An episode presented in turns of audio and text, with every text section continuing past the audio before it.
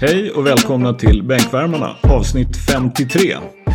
Vi inleder podden idag med dystra nyheter. Terence Clark, 19 år, som just hade bestämt sig för att lämna sitt college Kentucky för att göra sig tillgänglig för NBA-draften 2021 omkom i en bilolycka häromnatten natten i Los Angeles, 19 år gammal. Mycket, mycket tragiskt. Och vi säger RIP Terence Clark. Eh, fullt på nätet om framförallt då förstås alla Kentucky-spelare i NBA som beklagar och sörjer med The Kentucky Family. Eh, vi kommer att göra ett litet avsteg från vår vanliga ordning här i dagens podd och börja med SBL idag. Så jag börjar med att fråga dig från viss skull Nick, hur är det med dig? Jo, det är jättebra. Jag är faktiskt fantastiskt glad idag. Uh, nästan lite tårögd för att uh, med oss idag har vi Stefan Ivanovic. Han har ju de senaste veckorna gått mainstream och startat en ny podd och liksom gjort jättesuccé.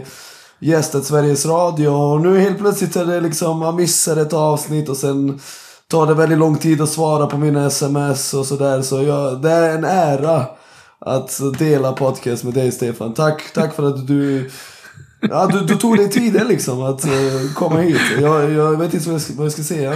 Det är fantastiskt. Jag, jag kan, först och främst så vill jag såklart tacka för de fina orden. Men sen också vill jag påpeka att jag absolut inte har fått något sms av Nick. Jag tror att han har skickat till fel Stefan. det här är ju det är också ett sätt att ghosta någon och säga detta. Så, men eh, Stefan, hur är det med dig då? Förutom det här att du ghostar Nick på hans sms. Eh, nej, men jag, jag, jag, ska, jag ska vara helt ärlig Skölden. Du vet, ofta när man frågar någon eh, hur den mår så svarar man liksom bra eller så här, det är lugnt eller så här. Men jag är, jag är så fruktansvärt trött. Jag är så trött, jag sover så dåligt. Jag har alldeles för mycket plugg. Eh, jag försöker att vara jag, jag, ser mina poddar som, som barn. Nu har, nu har jag haft det här barnet i ett år, det vill säga bänken. Och nu, nu har jag fått ett till barn. Och så slits jag liksom mellan att ge båda lika mycket kärlek. Och nu förstår jag hur Henrik Johansson känner sig ibland. när han sätter sig här och är bitter. Och jag har faktiskt, en, jag har faktiskt fått en liten lista här av Henrik Johansson. Eh, han kommer inte vara med i dagens avsnitt, så han har skrivit så här. Eh, solpal, pala, oj, eh, solpanelerna är på plats. Eh, Spurs är deppiga. Jag har fortfarande inte knipsat av pungen. Alltid något. Alltid något. Eh, och jag litar fortfarande... Det vore bra om man nöjde sig med att knipsa av någonting annat så att säga, mm. tänker jag. Jag tror att han skulle tycka att det var bra också, även om jag mm. förstår vad det är han vill bli av med. jag litar fortfarande inte på Robin Sandberg. Slut på meddelandet. Men då måste jag, innan jag kommer till dig Adis, jag är ledsen, men jag blev lite fascinerad av det här Stefan säger, att han liksom känner sig som Henrik Johansson. Då måste du, har du övertygat din pappa om att ni ska ha solceller på taket? Och när du försökte göra det, sänkte din pappa på glasögonen och tittade på dig då som om du inte var klok? Jaha, nej, så, så långt har jag inte kommit. Jag har knappt sett min familj senaste, senaste två veckorna, eh, om jag ska vara helt ärlig. Okej, okay. podden ja. eller? För mycket jobb. Eh, för mycket jobb. Alltså vilket hästjobb du gör, Addis. Det, det är löjligt. Mina avsnitt är inte i närheten av så här långa som bänkens avsnitt. Eh, men det jobbet du gör, det är verkligen, det är ovärderligt. Det är ovärderligt. Sen vet jag inte hur, hur detaljrikt du klipper. Eh, eller om du liksom har, det sitter i ryggmärgen efter ett helt år. Men mina avsnitt är ju typ så här max, de kommer vara max 30 minuter. Och jag sitter i typ en timme och en kvart, en och en halv timme och klipper de här avsnitten. Det, det, är helt orimligt. Det är helt orimligt. Jag behöver sponsorer och jag behöver en poddstudio. Om det är någon som lyssnar, Jakob Tunnell, eh, ring mig. eh, Addis, det är ju då läge faktiskt att officiellt nu då när vi har hållit på med det här ett år så är det ju läge att utnämna dig då till vår DJ Premier, vår Primo Addis. Hur är det med dig? Ja men den, den kan jag ta. Eh, absolut. Det hoppas jag verkligen att du kan. Ja, alltså DJ Premier, det blir inte jättemycket bättre än så bakom eh, spakarna. Eh, no. Men han var väl en eh, alltså, rätt kass rappare i och för sig. Då, så. Eh, hur som du har helst. väl en historia som rappare också? Ja, det är sant faktiskt. Jag, jag, var riktigt vass på uh, micken uh, i min ungdom faktiskt. Du känns spontant som uh, Uppsalas Immoral Teknik.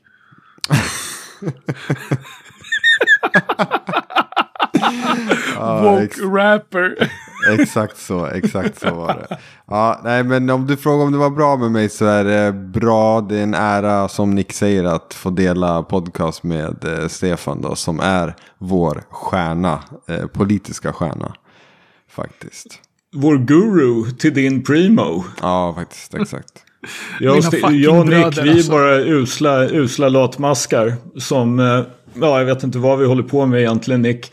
Men en sak är du otroligt bra på Nick. Förmodligen bäst i Sverige. SPL. Vi börjar väl med det som faktiskt kommer att bli väldigt, väldigt intressant nu då. När Alvik har tappat 2-0 till 2-2 i SM-finalen mot Luleå. Take it away Nick. Ja, alltså den här serien är uh, underbar. Jag vet inte vad jag ska säga. Där är ju ansiktet på Henrik Johansson som alltid trashar att allt har blivit så mycket sämre. Shoutout till Henrik Johansson, jag skojar såklart. Uh, nej men det är en väldigt underhållande serie och väldigt uh, oförutsägbar eh, finalserie. Uh, man vet inte var man ska börja. I första matchen så demolerar ju uh, Alvik Luleå i andra halvleken och sen ehm, match två uppe i Luleå, Alvik dominerar och bara skämmer ut. Eh, alltså Luleå skämmer ut sig tycker jag. De är så oförberedda, både offensivt och defensivt under de här två, första, två första matcherna. Att jag tänkte att na, det, det är över. Alltså jag var helt... Jag hade kunnat betta mitt hus på att Alvik skulle vinna match tre faktiskt. Men sen efter match två så har faktiskt Luleå gjort lite justeringar och jag hade pratat om det här innan avsnittet. Det är inga jättejusteringar de har gjort utan de har ju bara slutat spela hjärndött och liksom uh, gjort, gjort sina defensiva regler lite mer uh, klara och förenklat dem. De har, gjort, de har bestämt sig, okej okay, vi ska spela så här och vi måste göra så här varje gång. Och sen offensivt har de börjat kalla lite spel för det där är match två alltså det där. Jag, jag vet inte vad jag ska säga. Deras motion funkar inte för fem öre och ändå fortsätter de köra och köra och det kommer aldrig några riktiga setplays och Sen har de börjat liksom med lite quick hitters och de har liksom gjort uh, lite spel så att liksom de i alla fall vet var bollen ska liksom istället för att jag, som sagt jag har inget emot folk som spelar motion och tror på motion men ibland måste du ha bestämda spel. Men i alla fall match 3. Jag tycker att Luleå bara är bättre, alltså Alvik kommer tillbaka, kämpar sig tillbaka men Luleå är desperata och vinner.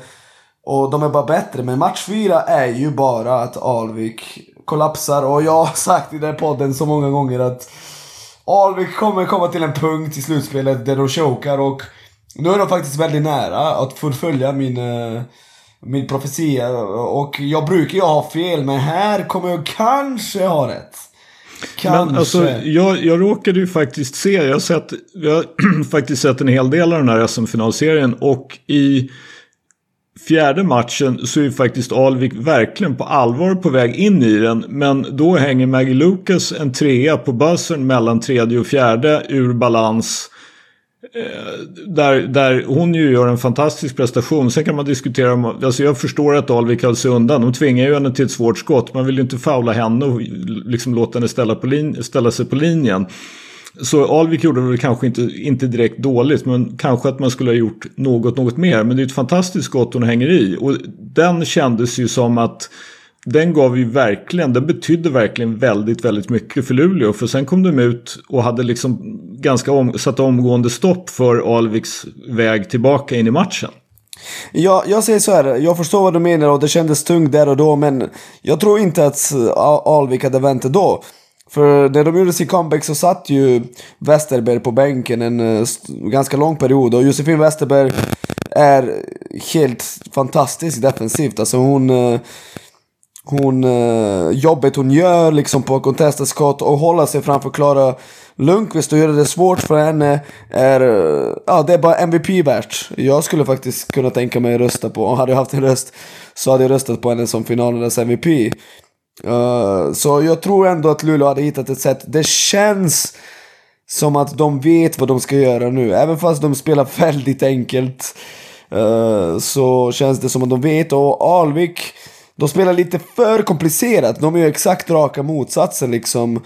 De, de gör det lite för komplicerat. De kör liksom sina spel om och om och om igen. Och Luleå har bestämt sig nu liksom. Det, vi kommer packa in uh, tre sekunders område. Det var ju där de... Uh, förlorade liksom eh, de första matcherna tyckte jag liksom, det var ju antingen på, de, på att Alvik ägde tre sekunder eller att de passade inte tre sekunder.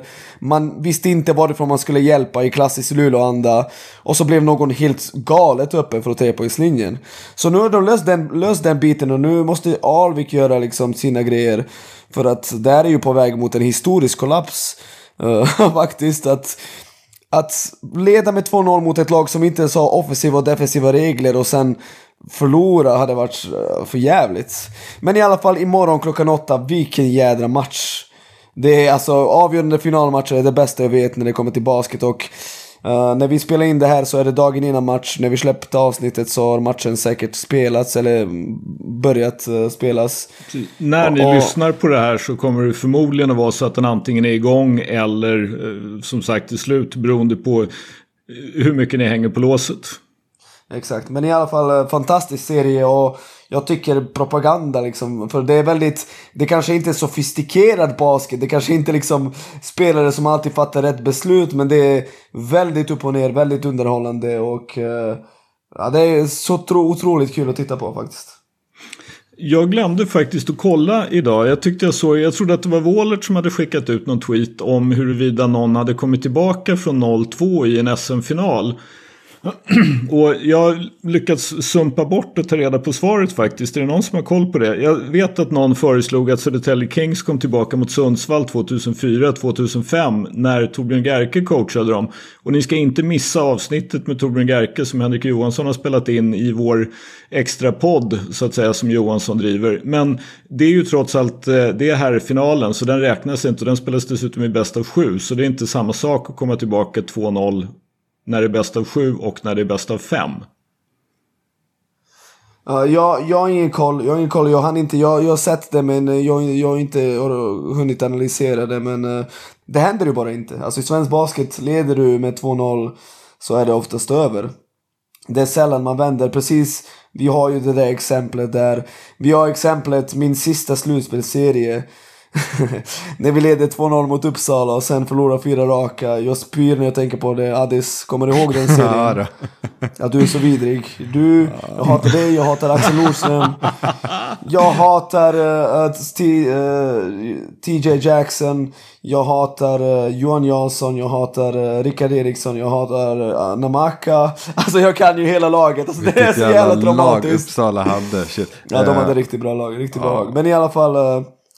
Uh, vad heter det? Det är, uh, det är sällan det händer och på damsidan vet jag inte faktiskt. Det, måste, det där är ju väldigt sällsynt. Så.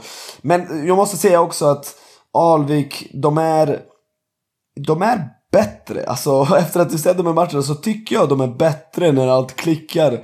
Och de ska kunna lösa det men nu märker man att korgen har krympt för vissa spelare. Det är jävligt svårt att skjuta, man vill inte skjuta. Lundqvist McCavill är aggressiva och Kennedy James hon är lite för aggressiv kanske. Men vissa spelare har liksom, ja, jag tror att det börjar bli lite obekvämt. Uh, och det är det som talar för Luleå. Mm. Uh, mm. Jag måste bara säga, jag kollade precis då. Vi har inte sagt vilka vi tror vinner då. Men alltså Luleå är favoriter oddsmässigt. Säkert för att de vunnit två raka. Ja, men jag har för mig att de var förvånad. favoriter inför finalen också faktiskt. Alltså hos, hos uh, spelbolagen. Aha, de var det? Okej, okay. jag ja, var lite förvånad. För, det. Uh, för ja visst, de har vunnit två raka, men samtidigt hur, hur många gånger har Alvik torskat tre raka? Uh, inte den här säsongen i alla fall. Nej, inte ens, exakt. De har inte ens varit nära. Nej, det är det jag menar. Hur många matcher torskade de i grundserien? Det var väl två, en tror jag. Två. Två, ja. två tror jag. Okay, Luleå ja. borta och Visby borta i sista omgången. Det räknas inte ens. Just det, just det, just det. Ja. Jag kan ju meddela att jag sitter här och kollar upp det här med att komma tillbaka från 0-2. Det har alltså inte hänt i, i, eh, i basketligan dam eller liksom så länge som man har spelat fem matcher. Vilket ju är ganska länge numera. Man började ju spela fem matcher i finalen 1984. Då, Solna, eller då Södertälje slog Solna i tre raka. Och sen dess har alltså inget lag kommit tillbaka från 0-2. Så Skölden, jag undrar, vad googlar du för att komma fram till det här? För det, se, hur fan hittar du det här? alltså, Nej men alltså jag, eh, det, det var ju så här, jag visste att jag hade sett det. Jag hade för mig att det var Johannes Wåhlert som skickade ut en tweet. Men det var Ah, okej. SPL Dam. Och eh, eftersom jag lyckades komma ihåg vem som hade svarat på tweeten om det här med Södertälje Kings. Så kunde jag söka på den personens tweet. Och då fick jag fram en sajt där jag snabbt kunde bläddra mig fram till det här. Okej, jag förstår. Det är annars Så- en sjuk det- grej att googla.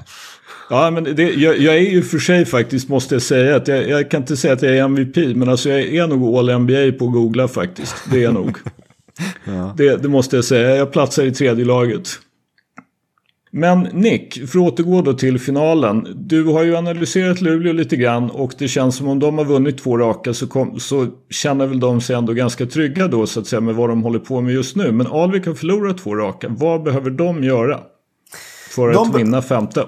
Först och främst behöver de eh, hitta ett sätt att bromsa ner uh, Maggie Lucas. Och inte bara Maggie Lucas utan Luleå. Det de gör just nu är att liksom, de pushar bollen något så otroligt. För de vill inte, även fast de, de använder lite mer set plays. Så vill de helst inte att spelet ska lugna ner sig. Utan de pushar och så försöker de hitta ett skott så snabbt som möjligt. Så det gäller för Alvik att hitta en spelare som kan bromsa eh, ner Maggie Lucas och att alla kutar tillbaka så snabbt som möjligt. Så att Luleå tvingas spela sina setplays. Uh, eh, och sen offensivt, någon måste kliva fram och göra poäng. Som inte heter Janelle McCarville och Klara Lundqvist. Så enkelt är det. Det behövs poäng. I första matchen satte ju Elin Ljunggren 8-3, Rannasten 4. Det gjorde inte de eh, igår. Eh, det behövs att folk kliver fram och att de sätter sina öppna avslut. Alltså det behöver faktiskt inte vara svårare än så.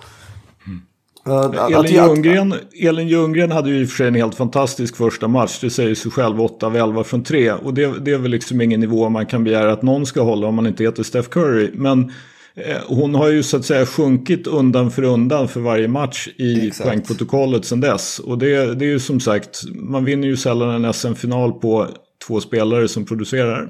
Nu är det för sent att göra några jättejusteringar. Det är det som är grejen. Alltså, du kan inte hålla på och ändra för mycket. För du måste ju hålla dig kvar till din identitet. Men det är mycket mentalt nu. Ni vet själv hur avgörande finalmatcher brukar vara. Få, väldigt få poäng. Väldigt mycket misstag. Och det är alltid någon skräpspelare som liksom blir ihågkommen för all evighet. För att de gör något jätteviktigt i sista minuten. Eller inte skräpspelare, men rollspelare. Så det är det som kommer behövas, att någon kliver fram. Men Nick, du är ju den av oss som har följt SPL Dam bäst från början. Och som jag minns det när vi, vi slängde ur oss ett tips inför finalserien. Och då vill jag minnas att det var så att vi var tre som röstade på Alvik och två som röstade på Luleå. Yes. Eh, nu är det ju dags då att, att nu kommer det kunna bli 2-2 då för all del. Men jag vet att jag röstade på Alvik men jag tror att du röstade på Luleå.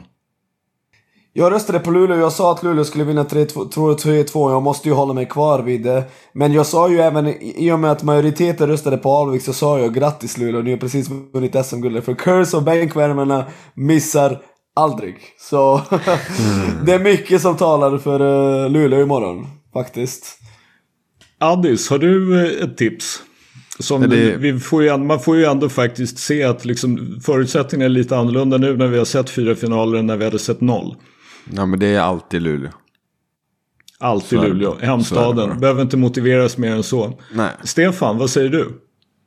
Men jag sitter kvar i Alvik-båten. Jag har varit där eh, från start och eh, jag tror fortfarande på Alvik. Jag, jag måste erkänna, jag, jag känner mig lite skakig sådär efter, efter, efter fjärde matchen. Jag trodde nog när Alvik, trots, trots att jag vet vad Nick har sagt och att man bör lyssna på Nick i sådana här frågor, så trodde jag faktiskt att Alvik skulle ta Game 4 fram till det att Maggie Lucas hängde den där eh, trean när buzzern gick i tredje kvarten. Men det kändes som att där, där tog det liksom stopp. Luleå fick ny energi och kunde ta hand om det. Men eh, jag sitter också kvar i Alviksbåten. 2-2. Ingen distinkt kurs uttalad. Men man kan väl nästan misstänka att Johansson är kvar i Luleåbåten. Så vi, vi får väl se. Vi får väl se vad det, vad det kan tänkas betyda. Eh, vi går vidare till SPL här. Där pågår ju fyra kvartsfinalserier. Och det, du har ett halvt öga på en match just nu Nick, eller hur? Alltså jag har precis tittat färdigt på Köping mot Norrköping och Köping vann. Och de hängde med ganska bra i match 1 och 2. Jag måste säga att de här kvartsfinalerna har varit mycket jämnare än vad vi trodde de skulle vara. För eh, faktum är att de flesta tippade liksom att Borås, Norrköping och Södertälje vinner jättekomfortabelt. Och att Luleå och Jämtland blir fem matcher. Och Luleå och Jämtland har verkligen levt upp till våra förväntningar. Alla visste ju att det skulle bli jättetajt. Det är alltid så med de här två lagen. Men eh, att Köping skulle göra det så svårt och framförallt Nässjö för Borås för att jag ska vara ärlig. Det står 1-1 men Nässjö har varit klart bättre laget. Eh, så det är något av en chock och Köping har också gjort det jättebra mot Norrköping. Vann nu i de sista sekunderna när CJ Jackson, Jackson avgjorde. Han har gjort det ganska många gånger, det där med att avgöra de senaste två åren. Eh, så spännande, väldigt spännande och kul och eh, där är ju liksom paradiset för mig. Det är liksom varje dag är det någon match i slutspelet i antingen SBL, dam eller herr och ja, det, det och jag tycker faktiskt att uh, nivån är ganska bra. Jag tycker att det spelas helt okej basket. Uh, Uh, framförallt i SBL här liksom. I, I dam är det mer att det är så upp och ner och, liksom, och det är så högt tempo. Och, och de har ju liksom en historia sen innan. De har ju trashat varandra och så vidare. Men det är kul och det är kul och det är jämna serier och det är precis det vi som älskar basket vill ha. Jag tyckte det var lite intressant det här med Borås-Nässjö faktiskt. Att han som ju lite grann enligt vad du berättade själv i alla fall, dissade dig, Craig Lesen. Han hade ju en väldigt, väldigt bra match senast mot Borås. Han spelar äh, alltså i Nässjö. Äh, jag måste säga en sak. Jag vill ge en shoutout till Nässjö Basket, för jag var 80-procentig när de kom in i hallen och jag sa hej. Jag fick säkert 80-90% hej tillbaka. Och det där är ju faktiskt helt sjukt, för i basket-Sverige brukar jag på riktigt vara 20-procentig. För för tio gånger jag säger hej till någon som jag kanske inte känner direkt men man vet vem det är och vi har kanske likat varandra eller kommenterat varandra på sociala medier. Så får jag kanske två hej tillbaka. Det är faktiskt helt otroligt. Alla undviker mig. Jag vet inte varför. Uh... Jag vet precis varför. Varför? Du stod ju upp för Nässjö där med din film på vaktmästaren när han stod upp mot Ludde Degnäs i nej, jag, jag, jag, nej, nej, jag tror inte det är därför. Jag tror inte det är därför. Jo. Jag tror bara att det är ett skönt gäng. Det är ett skönt gäng. Jo, men det är ju därför de ser, de ser ju det här. De ser ju att du är skön tillbaka. Så det, jag, jag tror benhårt på det. Men sen var det ju en sak till också. Det är ganska bra faktiskt av Sheriff Dramme att komma in från bänken, spela 18 minuter och skinna i 20 pinnar. Ja, alltså han skadade sig där i början av säsongen. Han, han signade ju i, i Spanien, skadade sig och kommer tillbaka och skottet har inte suttit och jag misstänkte att det har berott på att han har varit skadad och rytmen. Den matchen var en ruggigt jävla bra. Borås spelade det där klassiska försvaret de brukar köra som inte funkat hela året men de kör på ändå. Att stora spelaren backar och att de låter pointguarden komma in i mitten och ta den där midrange-skottet liksom. Och Sheriff är ganska bra på att sätta dem. Så han fick ju 20 poäng där och var väldigt viktig för dem. Och, uh, det var något missat skott där, där han hoppade upp och skulle trycka tillbaka en putback-dunk. Alltså han är ju atletisk den killen. Uh, så... Ja, han är bra på Cooper-testet också faktiskt. Är han det? Ja. Ja. Alltså, ja, Nässjö, Nässjö överraskat. Nässjö överraskat. De, har varit, de är mycket större än Borås. Alltså, man måste ju se det live. Via TV går det inte, men de är så stora. De har ju ligans största lag. Alla de är liksom längre och bredare än Borås-spelarna. Och de spelar fysiskt och i slutspelet blåser inte domarna lika mycket. Och Borås är i trubbel. De måste ju ta den här matchen imorgon känner jag. Annars kan det där sluta riktigt jävla illa. Men Borås har väl fördelen i hemmaplan i en eventuell femte va? Yes, yes, yes. Mm. Men, men ändå men, inget roligt att leda 2-0 och så vara tvungen att spela för livet i en femte, även om det är hemma. De, de ledde med 1-0, nu är det 1-1.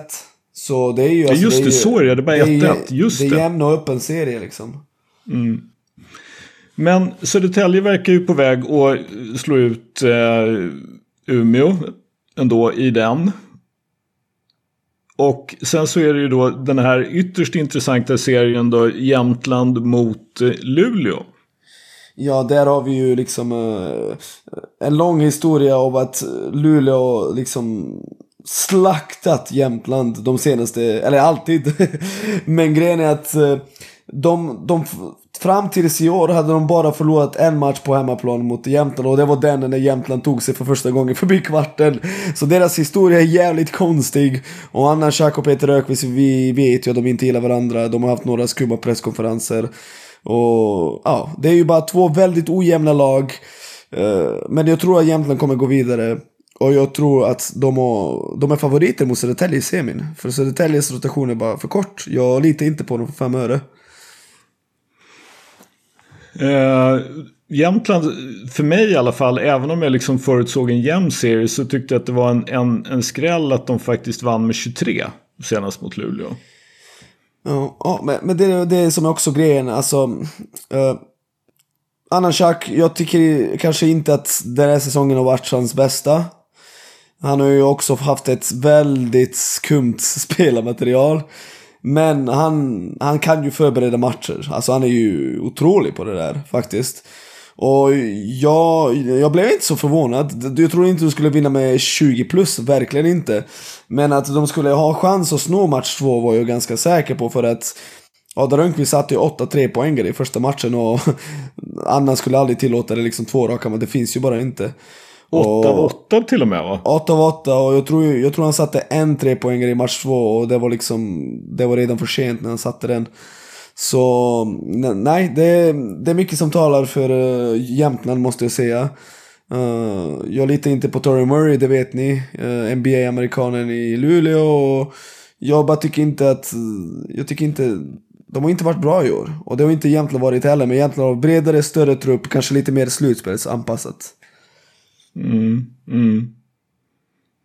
Artie Gwyn uppstod, jag minns inte om vi satte Gwyn i tvättstugan eller om ja, vi bara bokade en tid åt honom. Men jag var sugen på att göra det. Han uh, steppade ju faktiskt upp i den här matchen. Han har varit jättebra. Han har varit verkligen jätte, jättebra. Han, han är verkligen nyckelspelare för dem offensivt. Och Eh, i, de är väldigt okloka offensivt måste jag säga. Alltså, de har ju några spelare som fattar galna beslut. Alltså du har en spelare som drar en volleyboll smash mitt i matchen. Ni har säkert sett det på Twitter uh, när Luleå missar straffkast och Cyril ju bara volleyboll smashade liksom utanför planen. Alltså det är den nivån på vissa av de här spelarna. Men i, i i, i den här blandningen av spelare som kanske inte är så bra beslutsfattare så är Artie Gwynn den, en av ligans absolut bästa. Alltså han är rutinerad, smart kille och han har varit helt eh, eh, uh, uh, avgör, alltså han är nyckelspelare för deras, uh, för allt de gör offensivt. Mm, mm. Mm som sagt, intressant. Kul spel, kul spelslutspel. Men jag måste bara gå in på det där ändå. Du håller, håller du Jämtland som favorit mot Södertälje även om Victor Gaddefors skulle komma tillbaka? Ja, ja det skulle jag göra. Uh, okay. kanske, kanske till och med Luleå. Och återigen, det handlar inte om att jag inte tror på Södertäljes sätt att spela på. Jag tror bara det där med att köra på sex spelare, det håller ju inte. Alltså du kan inte spela på... Alltså, om de går hela vägen och vinner med en rotation på 6-7 spelare, ja då, jag vet fan, då, det är jävla dålig betyg för ligan. För, för du behöver, du behöver kroppar, alltså det är ju väldigt tight matchande nu, det är matcher varannan dag. Alltså hur ska de orka? De är ju veteraner, alltså jag ser bara inte det framför mig. Värt, värt att notera där är ju faktiskt det att nu spelar de ju då alltså utan Viktor Gaddefors och då har de om vi ska då räkna Nix sätt att räkna rotationen så har de då en femmanna rotation och trots att de då vinner med 13 mot Umeå så spelar alltså Radosaljevic spelar 33 minuter, Anton Gaddefors spelar 36, Trevin Park spelar 38, Dino Pita spelar nästan 32 och Martin Palmblad spelar nästan 31. Så ja, Eh, de går rätt hårt på, på sin korta rotation. Och sen så lirar Samuel Berglund nästan 18 minuter och Adam Karametovic spelar 11. Det är i princip, och sen är det sekunder på någon här. Liksom det, det är det hela. Ja, att de startar Karametovic säger ju mycket om deras rotation. Inget illa mot killen, men han har inte spelat liksom under grundserien mycket och nu är han nu, nu är han en startspelare i ett guldaspirerande lag liksom. För mm. deras rotation är så kort. Mm. Ja, mycket att se fram emot vad beträffar SPL. Både här och dam. Framförallt då femte avgörande finalen mellan damerna som går tisdag kväll och kan ses bland annat på SVT. Eh, nu byter vi spår och går in på vår kärnverksamhet, nämligen NBA. Det är någonstans mellan, lite beroende på vilket lag man frågar, så är det 12-13 matcher kvar när vi spelar in det här. Och eh, det pågår ju faktiskt helt plötsligt lite grann en positionering. Alltså där faktiskt lagen tack vare det här beslutet då att ha en play-in-turnering där lagen 7, 8, 9, 10 i respektive conference alltså får spela då för att komma in i det riktiga slutspelet och då i eh, ja, kvartsfinal eller vad vi nu ska kalla det för.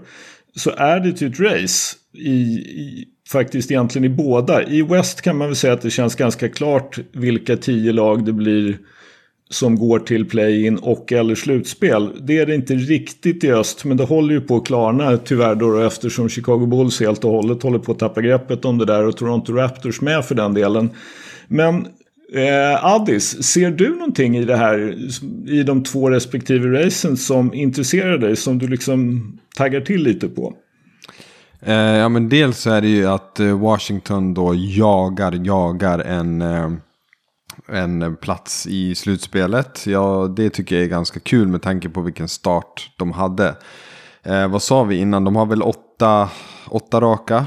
Var När vi spelar sånt? in där har de åtta raka och 9-1 på de senaste tio. Ja, precis. Vore och deras helt... record är då 27 vinster och 33 förluster. Så när de påbörjade den här winning streaken så var de alltså 19-33. Nu är de helt plötsligt då 10. De är inne i ja. den här play-in-turneringen. Och eh, Westbrick har helt blivit Westbucket. Ja men faktiskt. Och grejen är som, visst det blir väl tian som möter sjuan och så vidare. Eh, så just nu är det ju hit mot eh, Washington i en eh, play-in. Mm. Och eh, jag vet inte, jag vill nog inte ha Beal och Westbrook i en play-in i alla fall. Um, att, det vill säkert inte Pat Riley heller. Nej, jag tror inte det. Alltså, det fattar skillnaden. Det, alltså, jag, visst, man kan liksom inte tro på Westbrook hur mycket man vill. Men det finns ändå en höjd där. Uh, så att den, den ser vi fram emot. I West, där är det ju Golden State som är intressanta tycker jag. För att uh, de jagar ju en plats innanför play-in. Vilket de fortfarande kan ta. De är ju, vad är det, fyra ja, de... matcher bakom Dallas på en sjätte plats. Tre faktiskt till och med. Ja, tre matcher bakom Dallas. Mm. Att, och eh, har ju i princip, det, det, är ju så att just nu då, vi kan klargöra det, när vi spelar in det här så är alltså Golden State är 10 då och New Orleans Pelicans är 11 och New Orleans Pelicans är 4,5 match bakom. Med, de har 12 matcher kvar och Golden State har 11. Så Pelicans måste ju gå på en ganska en, en Wizards-lik winning streak för att överhuvudtaget ha en chans att komma in i play-in. Ja. Ja, och det kommer de inte, jag tror inte de kommer göra det. Men eh, oavsett, även om Golden State stannar i eh, play-in. Så eh, alltså, skulle någon här ta Portland över Golden State i en serie idag? Det skulle jag absolut inte göra. Nej, inte med tanke på Stephs heartstreak, men innan vi kommer innan på det. Mm. Eh, så, så här, det, det, det jag tycker är absolut mest spännande med, med den här möjligheten till play-in också. Om vi kollar i typ East eh, och så kollar vi Seed 6 till 10. Mm. Alltså det, det är ju fruktansvärt jämnt. Washington oh ja. Wizards är bara eh, fyra matcher tror jag att det är bakom eh, Boston Celtics. Och samma sak i West. Och så här får en play-in med Miami Heat, med Charlotte Hornets. Som för övrigt också Eh, kanske få tillbaka LaMelo Ball till slutspelet. Mm. Det har mm. du bättre koll på än någon annan Addis misstänker jag. Mm. Eh, ett Indiana Pacers som har underpresterat under säsongens gång och Washington Wizards. Alltså det blir liksom ett, ett eh, eh Hornets nest där, hahaha. Nej, men och, och, samma sak, samma sak i West också. För du, du kan alltså få en play-in med Steph Curry, med, eh, made, med Damian Lillard och Ja Morant och kanske till och med ifall han, eh, han eh, glider ner Luka Doncic också. Ja. Exakt. Då blir typ play-in-matcherna roligare än själva sl slutspelet. Mm. Jag, jag, vet inte vad ni röker, men, men, men sa ni verkligen nyss att ingen skulle välja Portland i en serie mot Golden State? Eh, nej, alltså jag, ja, ja, ja, precis. Det kanske va, var det. Vad va, va är det du röker, Addis? Alltså... Är det något jag... syntetiskt eller är det något liksom... Uh... Spice. För att Spice. jag skulle lätt ta Portland, kom igen. Portland alltså över, bättre... över, över sju matcher, det är klart att man tar Portland. Ja, men eh, alltså jag vet inte, jag säger bara som Golden State spelar nu, hell no. Alltså, ingen vill möta dem.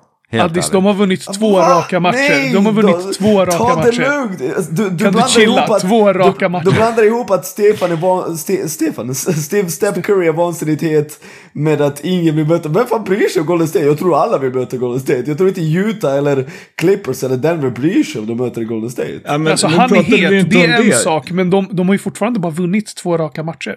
Han är het, men resten är ju trash. Alltså, ni har uppenbarligen inte riktigt koll på läget.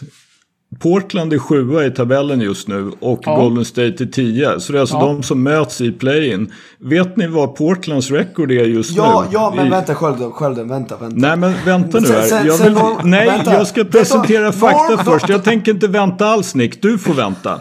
De har torskat fem raka. De är 2-8 på de senaste tio. Golden State är 7-3 på de senaste tio. Får jag säga något? Varsågod Nick. De har tradat för Norman Powell och de gjorde det för att han skulle få en stor roll. Alltså alla är överens där. Det kommer ta lite tid. Jag litar på Dame och CJ McCollum och Powell och eh, Nurkic mot Golden State. Det, alltså det är inget snack om saken. När det är dags att lira så skulle jag lätt betta mina pengar. Det kommer ta tid. Ja, de har varit stökiga och de har spelat dåligt. Eh, men uh, inget att oroa er för grabbar. Golden State, Golden State är inte bra. Steph är otrolig. Alltså, han har verkligen växt i mina ögon. Vi kommer till det. Ja, du, du, kommer kom, till- du kommer ihåg hur det gick senast Golden State och, och Portland möttes i någon form av slutspel? Ja men, men då Men det är ju inte samma sak. Det är inte samma sak. Absolut Si- si- inte, men... Denver Ja, men då hade- är det ju en orimlig jämförelse. Portland hade ju massa skador. De hade ju typ ingen big på planen och uh, Clay Thompson var också med då. Ja, hörni, i alla fall. Kan, vi, kan vi snacka om att eh, New York Knicks är tre matcher bakom eh, Bucks? Ja, men fuck? hela East är ju fruktansvärt jämn. De är tre matcher bakom, eh, bakom Bucks och Heat är två matcher bakom Knicks. Alltså det, det, det Ja, det är fruktansvärt jämnt. Ja, men Alltså, jag vill fatta. bara gripa in där. Ni vet vem det är som har den längsta winning streaken som är igång just nu i NBA? Ja, det är väl New York Knicks. Nio, det är Knicks de med på. nio. De har nio raka. Vet, vet ni vem som är tät, eller ve- vem som är uh, hack i häl? Vilket Ja, lag som är Wiz. hack i häl? Ja, Wizards. Alltså det, är- det är fan patetiskt alltså. Vad är det ens för, skit i grundserien? Nu gör jag som Henrik Johansson. Skit i grundserien. Det här är bara skräp. Ge mig slutspel direkt. Jag pallar inte sitta här och, och, och höra Henrik Sköldström propagera för Washington Wizards för att de har vunnit åtta raka matcher. Det är totalt ointressant. De är fortfarande skräp. Nej, Knicks mannen. Knicks tape. Knicks tape. Ja, men Tips. fuck Knicks också. Tips, jävla herregud. Alltså, demontränare. all, Shoutout till allvarligt talat. Allvarligt talat. Jag fick ju den här, eller vi, kanske vi fick allihop häromdagen på Twitter. Och jag hade nog inte riktigt tänkt så långt. Men Nix fyra i tabellen. Nio raka, plus 0,2 net rating. Julius Randle borde faktiskt kunna komma med på en och, en, MVP, en och annan MVP-ballot med 100%. tanke på Ja, definitivt. alltså hur många som är borta. Liksom, jag säger inte att han ska vinna, absolut inte. Men de som röstar får ta ut fem spelare. Om man så att säga börjar tänka i banorna att du bör ha spelat ett visst antal matcher och sådär för att kunna komma i fråga för en MVP-ballot. Randall har spelat i rubbet och snittar typ 24, 12 och 6 eller 24, 12 och 7 med enorma shooting splits med ett lag som alla trodde skulle slåss om sista platsen i East. Har du honom Det som din MIP ja. eller? Ja, fan 100% I, no, I någon mening så, så är han ju det. Han har, I princip han har ju haft siffror som har varit i närheten av det här men det har ju aldrig betytt någonting för han har alltid spelat i dåliga lag. Nu är ju plötsligt Knicks ett, faktiskt får man ju säga ett legitimt lag för som sagt de är tre matcher bakom Bucks. De är fyra i East. Ja, är Tre matcher bakom Bucks och fyra i East, det säger ju inte så... Det, det säger inte fruktansvärt mycket med tanke på att, eh, att eh, sjuan, åttan, nian är ett par matcher bakom, bakom Knicks. Alltså det, det, det är en otroligt jämn konferens. Och själva lagets insats säger inte så mycket tycker jag. Det är väl hans individuella insats. Så. Sen fast- att Knicks är fruktansvärt mycket bättre än vad de var förra, förra säsongen eller ja, de är kanske de senaste de 20 är- åren. Det är ju en helt annan femma. Är inte de typ bäst i NBA defensivt? Eller något sånt? Fyra. Fyra, okej. Det är helt sjukt. Med RJ men- Barrett och Randall. Det- Alltså det, det som imponerar på mig då, förutom det här med försvaret, det är ju ändå det att när säsongen kokar ner och man kan, liksom just där man riskerar att hamna i en play-in och tappa den här slutspelsplatsen och allt vad det är, då skruvar ju faktiskt Knicks upp då och vinner nio raka. Medan då många andra eh, gör någonting helt annat. Ja, Alltså, nej, så- bra. Så det, jag, jag, jag måste erkänna att jag, jag vet inte om jag är en believer så, men man, jag tycker absolut att Nix och Randall förtjänar en ganska rejäl dos cred.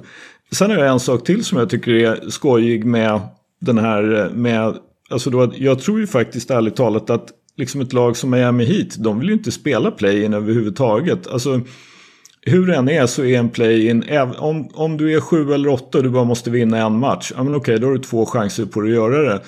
Men det är en sak att spela en match liksom för alla kulorna och göra det i en sju matchers serie. Det är ju själv helt andra förutsättningar om du kommer sex eller bättre. Och just nu är då Celtics sexa på 32-29. Heat är sjua på 32-29. Och så är då Atlanta och New York Knicks har 34-27 på platserna 4 och 5. Och Heat och Celtics möts två gånger under, de, under den här kvarvarande. Så där har vi förmodligen en, en där har vi två av de viktigare matcherna som återstår i det här playoff-racet. Skölden, jag har dunkat upp, eh, jag har dunkat upp eh, Nicks eh, senaste nio matcher här framför mig. Ska vi gå igenom dem tillsammans bara? De har Jajamän. alltså, de har 9 april, det var då eh, deras, eh, deras eh, vinsträd påbörjades. Då mötte de Memphis Grizzlies och vann med 133-129 efter övertid. Vilket, så här, det, det är ändå Memphis Grizzlies. Liksom. Det, det, är inte, det är inte det absolut bästa laget i West. Det kan vi väl ändå konstatera, eller hur? Nej. Sen så, sen så, vadå nej? Eller ja. nej? Ja. Ja. Vi kan konstatera det. Ja. Sen så mötte de Toronto Raptors och vann med 102-96. Toronto Raptors har väl ändå underpresterat den här säsongen. Det kan vi väl vara överens om. Ja. Sen möter de Los Angeles Lakers utan Davis och eh, LeBron James. Vinner med 111-96. Är väl inte så jättekonstigt egentligen. Sen möter de New Orleans Pelicans, vinner med 116-106. Det är väl inte heller världens grej egentligen. Med tanke på den säsongen de har haft. Sen vinner de mot Dallas Mavericks med 117-109. Och jag vill minnas att Luka inte spelade den matchen, men jag kan vara helt snett på det. Jag ska bara dubbelkolla. Okej, han spelade. Både han och Kristaps spelade. De vann med 117-109. Och visst, det, det, det är en bra vinst. Det är en, det är en Legitim bra vinst. med andra ord. Legitim vinst, exakt. Sen möter de Pelicans igen, vinner igen. Sen möter de Charlotte Hornets, vinner. Och Charlotte Hornets har ju ändå dippat lite grann sen Lamello bröt handleden. Var, bröt han handleden? Ja, det var Han har i alla fall en fraktur. Jag kommer inte ihåg om det var en Ja. hairline fracture eller ja. Just det, just det. Sen möter de alltså Atlanta Hawks. Som de har varit framför hela säsongen. Och visst, Atlanta har ju också eh, ja, men, skärpt sig lite nu på slutet. Det har vi ju allihopa sett. Men det, det är inte jättekonstigt att de vinner mot Atlanta Hawks. Och slutligen då vinner de mot Toronto Raptors igen.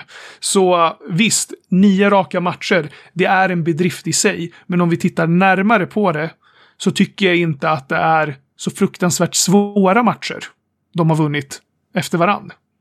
Alltså schemat, schemat är ju för all del absolut helt okej. men det är ändå nio raka. Exakt. Det är- Ja, det- ja, alltså det det, är det kan man det inte ta ifrån dem. Men det är inte världens bästa motstånd de har mött direkt. Så vi ska chilla Nej. lite med att det är liksom världens grej med att de har vunnit nio raka. Jävlar jag vill bara att hater! Nej, jag vill bara... Jag, bara, jag tycker att det är fullt Hater. rimligt. Jag, jag tycker att det är fullt rimligt. Ja, De möter tycker- Phoenix Suns ikväll. Och då får Jag vi se det- ifall det är tio. Det är helt, Eller det är helt okej att noll. nyansera det hela, men jag säger fortfarande fyra East och nio raka. Du hade kunnat få betta på båda och du hade fått otroliga odds på det inför säsongen. Knicks fans har plågats i 20 år och nu vinner de nio raka och så kommer Stefan och vill förstöra festen för dem.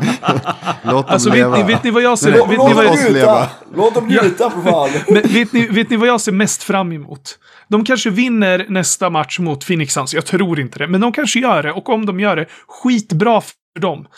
Eh, och sen så möter de eh, förvisso Houston Rockets och Memphis Grizzlies och de kommer säkert vinna de matcherna också. Jättebra. Men sen grabbar. Denver Nuggets, Phoenix Suns, eh, Clippers, Lakers, eh, Spurs, Hornets, Celtics. Och då blir det att åka av, ska ni Vet veta. jag ser? Jag, jag såg bara en eh, 17 matchers streak där. Ja. Jag har Om, ingen om, aning om vad de du vinner snackar om. 17 matcher, vet, du, vet du vad jag gör? Om de vinner 17 matcher, Addis, vet du vad jag gör? Ja, du? Badar i Hudson River. Ja, dels det också. Nej, men jag, jag, jag kommer springa maraton genom Stockholm, naken. Oh, skriv ner det där. Du, du kan inte säga sådär och inte göra det, det vet du va? Om, om de vinner 17 matcher, då springer jag naken. Och det, jag är fine med att bli gripen av polisen. Det är okej. Jag, jag, jag, jag bröstar den. Vinner de 17 matcher, då blir en naken Stefan klippt av snuten på Birger. Ja, jag måste bara säga sista grejen om den här streaken. Jag kollade precis. Julius Randle under den streaken. För det första snittade han 40,6 minuter. Eh, shoutout till eh, Tibbs! 90-talet. ja. eh, men han snittar 30 poäng eh, per match. Han skjuter 45% från tre på sju attempts. Ja, Ja, det är nice. Det är nice. Han är bra som fan faktiskt. Alltså, shoutout till Randall. Han har varit riktigt Han bra. har utvecklats, han har utvecklats. Ja. Det, det är ju så, det fanns ju ingenting, alltså till, inte ens jag som ju har en soft spot för Tibbs, det finns ingenting i det här New York Knicks som tyder på att de ska kunna fyra East och att Randall ska vara Alltså, jag, om, låt oss säga så här, han kommer ju med 99% sannolikhet inte komma i närheten av att få någon MVP. Men jag håller det för mycket sannolikt, jämför, alltså om man tittar på de skador som är och vilka spelare som liksom har lite grann diskat sig själv. Så känns det ju som att Julius Randle är ju närmast ett lås för en All-NBA-position. Faktiskt. Alltså jag, jag ser inte att det finns... Uh, kommer jag inte ihåg exakt hur, hur röstningsförfarandet ska vara, exakt hur man utser, liksom om de måste välja en center, två forwards och eh, två guards och hur det blir. Men alltså i princip kan du ju säga att han har då liksom nio platser att spela för. Det finns inte åtta forwards och centrar som har varit Nej. bättre än, eller nio centrar och forwards som har varit bättre än Randall i år. Det gör det inte. Nej, vi har ju honom till och med som en MVP-kandidat. Inte för att vi någonsin tror att han kommer att få eller vinna MVP.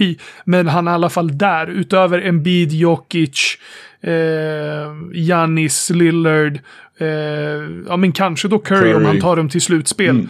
Eh, så så här, det, det, det finns inte jättemånga namn man kommer att tänka på innan man tänker på Julius Randle. Ja.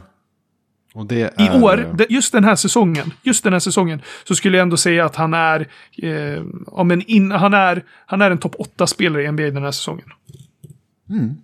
Rimligt. Shoutout Julius Randle. Kör då. Verkligen, verkligen. New York we here! Addis, du är ju vår resident Steph Curry hålla ordning på höll jag på att säga. Det är du som har absolut bäst koll på oss av Steph Curry. Inte för att vi andra saknar, men du är, du är den duden här helt enkelt. Ta oss igenom Steffs hot streak. Alltså den enda som är den duden är faktiskt Steph Curry. Eh, om man tar då, jag tänkte så här, sen aprils början, det känns som en bra, eh, bra start på det. Och han var ju skadad lite innan när han gjorde, han landade väl illa någon match, gjorde illa sig. Men han fick sen- en liten rygggrej va? Efter Ja, att han hade någonting. landat på någon, eller om det var någon, någon svanskota eller vad det var. Ja, precis. Men sen dess då, eh, i april, det är 13 matcher om jag räknar rätt. Ja, precis. 13 matcher i april. Eh, han snittar 38 poäng. 6,5 returer, 4,5 assister. Han skjuter 14 trepoängare per match och sätter 47% av dem. Det är fan inte Alltså, mänskligt. det. Alltså det är helt, och från golvet bara, hans field goal percentage är 53%. Eh, han är otrolig. Jag vet inte vad man ska säga mer. Jag har aldrig sett en scorer som Steph. Aldrig. Ja, han har, alltså, när man tittar igenom hans siffror så där så bara liksom, ja, 37, 41. Sen så hade han en down game, 32, 38, 53, 42. Sen tog han det lite lugnt igen, 33, 47, 49. Och sen så hade de ju en, faktiskt en, hade han en dålig match mot Washington där han bara hade 18 och så 32 igen. Och så 37 då Vänta. senast mot Sacramento. Tycker du att han är bättre poängare än Michael Jordan? Yes. Okej, ja du, du rökt på, definitivt. Mm, nej, jag, alltså, nej. Jo, det har du visst. Alltså, det, men, menar du liksom just nu eller han som spelade över hela hans karriär och jämför med Michael Jordans karriär? Du tycker att Nej, alltså höjd tänker jag. Alltså Jordan Ja, har när han är som fler. hetast, okej det kan jag ändå köpa. Det kan jag inte köpa. Ja. Men överlag, eh, han är ju inte det. Han är inte bättre scorer än Kevin Durant. Jag är ledsen, men jag tycker inte att han är det. Däremot nu, alltså det han gör nu är ju fucking banalt. Alltså, jag vet inte vad jag ska säga. Det är inte ens...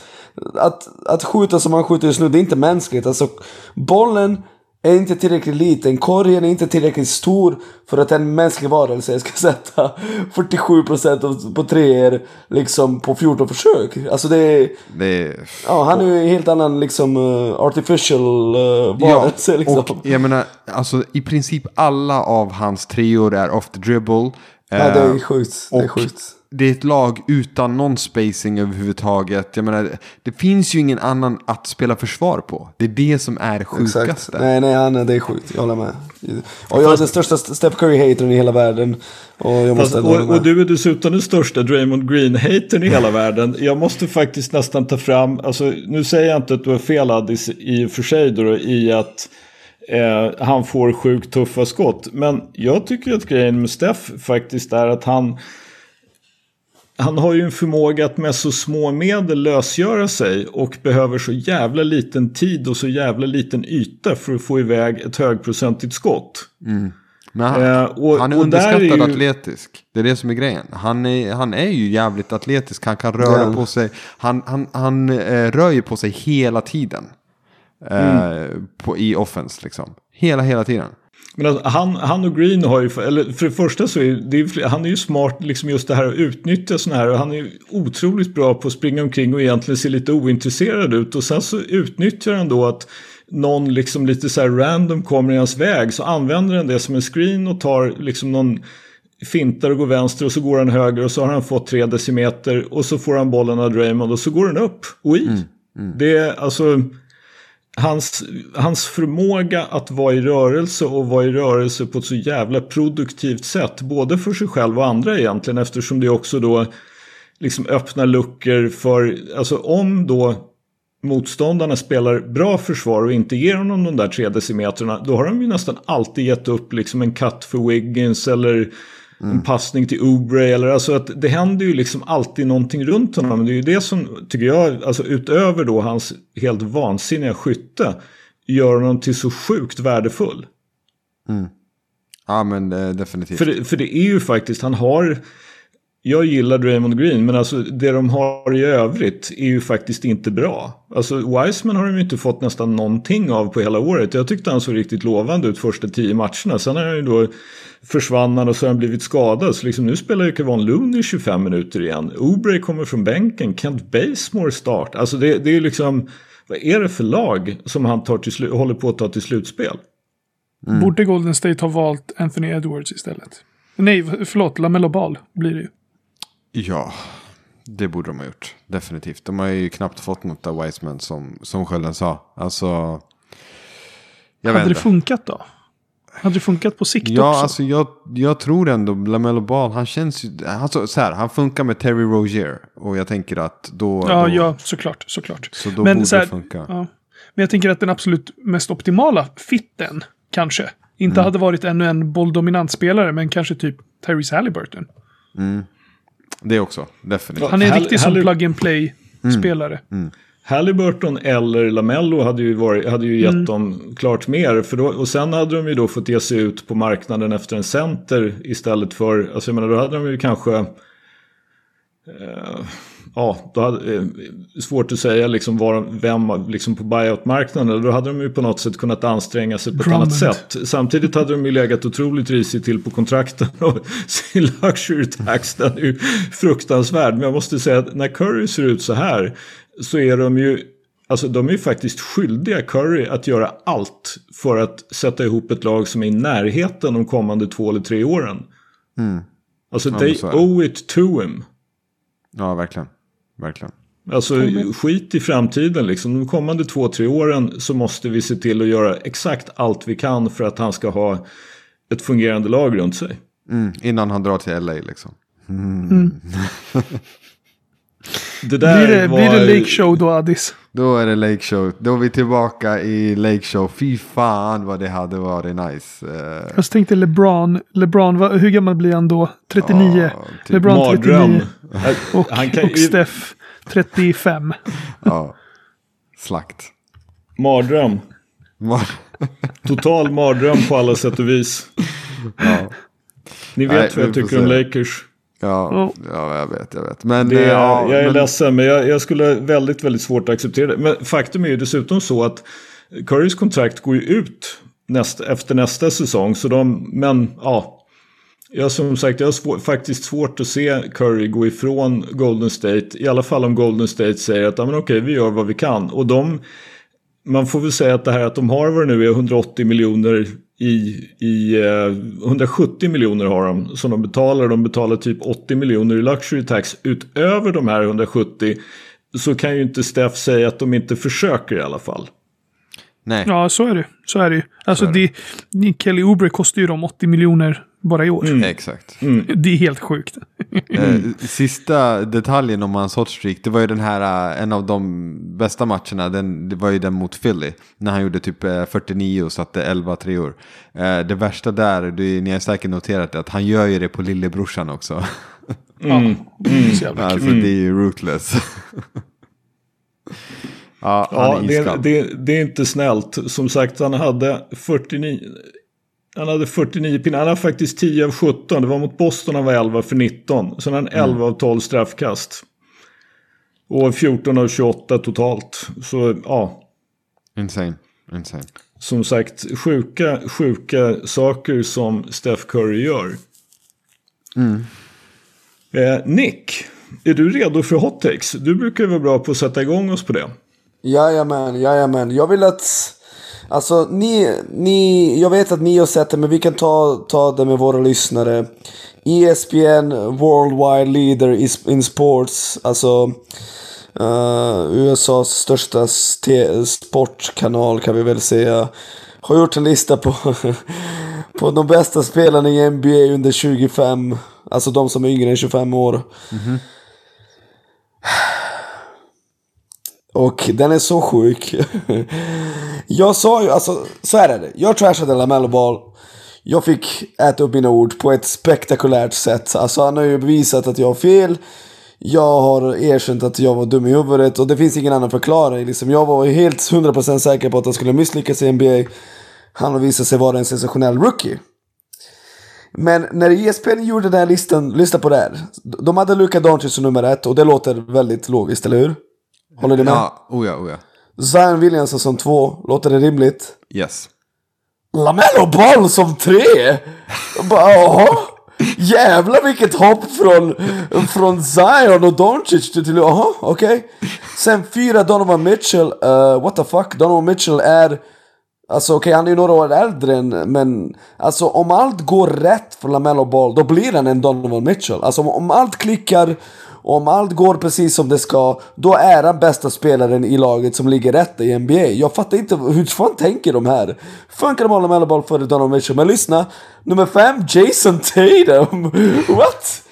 Alltså, Lamello Ball kommer aldrig någonsin bli lika bra som Jason Tatum är idag. Alltså det finns inte. Sex De'Aaron Fox, okej, ja visst.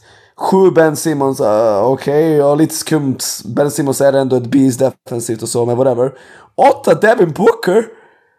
Va? Okej. Okay. Nio Bam Adebayo. Vad fan? Bam har ju redan visat att han kan bära ett lag till finalen för fan. 10 Shea Gilgis Alexander. Jag tycker att Lamello är hans nivå, typ. När det gäller vem som är bäst under 25. 11 Brandon Ingram. 12 Jalen Brown. Vänta, vem är bäst? Lamello Ball eller Jalen Brown? 13 Jamal Murray. 14, 15 John Morant! Alltså, bara, jag vill bara, jag, jag, håller, jag förstår dig Nick, jag håller liksom i princip med dig, men de har ju faktiskt liksom också att de har förutsättningar. ranking young stars by future potential. Alltså det är inte vad de är nu, utan vad de kommer att bli. Men, men, men, men det jag ser är att spelare som är bakom honom är redan idag bättre än vad han någonsin kan bli. Vadå, tror de att han kommer bli nya Magic Johnson eller vad är det som händer? Ja Morant. Jag, jag tror på Ja Morant mycket mer än vad jag tror på LaMelo Ball. Och det, var, det är inte ens två, ett och ett halvt år mellan dem i skillnad. Vad, vad händer?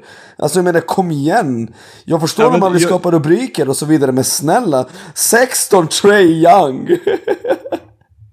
Du har Alltså, hoppat över driv. Jamal Murray och Michael Porter Jr också. Ja, jag har hoppat över dem. Det är för att jag tycker ändå att han kanske... Jag förstår om de rankar honom före dem, men...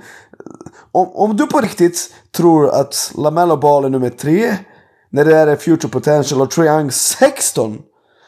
Och du tror att LaMelo Ball har större potential än Jason Tatum. Då, alltså du, då driver du med din lista. Den här listan är inte seriös. Det där är ju bara ett skämt. Som, som poängen är att dra klickar. Jag fattar inte vad problemet är. Jesus Christ. Alltså, och jag har ju backat Lamello mest, det vet ni, ni vet allt det där. Eh, jag skulle ju säga att de, det är ju en överdrift liksom. Sen, grejen är, alltså det, det ser nästan ut som de har valt typ tak. Ja visst, om allt, allt, allt går rätt, bla bla bla bla, bla då kan han bli så bra. Men jag menar, så kan det ju vara för de andra också. Eh, jag menar, det känns... Jason Tatum framförallt eh, borde ju vara före honom. Ben Simmons, ja. Alltså det är många. Den är, det, är, det är lite skumt faktiskt. För det är en, ganska liten chans att han blir bättre. Bara ett Doncic, två Zion, tre LaMelo Ball. Okej, jävlar. Ja, Eh, Men jag Jesus tycker. De'Aaron Fox som du sa också är för högt också. Ja, Fan, det var konstigt. Jag, jag fattar inte hur de tänkte där heller. Jag gillar Nej. De'Aaron. Jag tycker att han har väldigt högt tak och stor potential. Men eh, nej, alltså det, det, det spårar ju där när man kommer till liksom Bam. Och då tycker jag inte att Bam är liksom någonting som eh, är revolutionär direkt när det kommer till basket. Men han har ju han har visat, vi har sett det. Alltså vi har sett i ett slutspel så kan han vara liksom en av lagets två bästa spelare i ett lag som gör en finals run. La, Lamello alltså. Uh, Hornets har haft skadeproblem. De har varit helt okej. utan honom. Eller håller ni med mig? Jo, jo. Det har de Jag tycker, alltså, det, är, det är inte så att han själv har lyft den organisationen. Jag tror att folk som följer lite utifrån tänker så. Okej, nu har de draftat Lamello och kolla, nu vinner de alla matcher. Nej, hela organisationen har lyft sig och de har draftat bra på andra ställen. Och Lamello har högt tak, uppenbarligen. Ja. Men eh, fan, snackar ni om John Morant 15, Trae Young 16, Lamello Bell 3? Vad fan Alltså, jag måste Brown ju säga 12? att jag gör ju en iakttagelse till. Jag håller som sagt med dig i princip Nick. Det, det är liksom, även om jag förstår vad de, de tänker liksom att Lamello har inte ens fyllt 20 och Eh, överträffade ju då en hel del förväntningar. Man tyckte ju att det här var en svag rookie-class men man såg liksom någonting speciellt i Lamello så tycker alla då att han har överträffat de här då som 19-åring. Han fyller 20 om knappt ett halvår eller vad det är. Men det som slår mig är ju också att fy fan vad många bra spelare det finns som är under 25. Om du ens överhuvudtaget kan tänka dig att ha Jamorant som 15.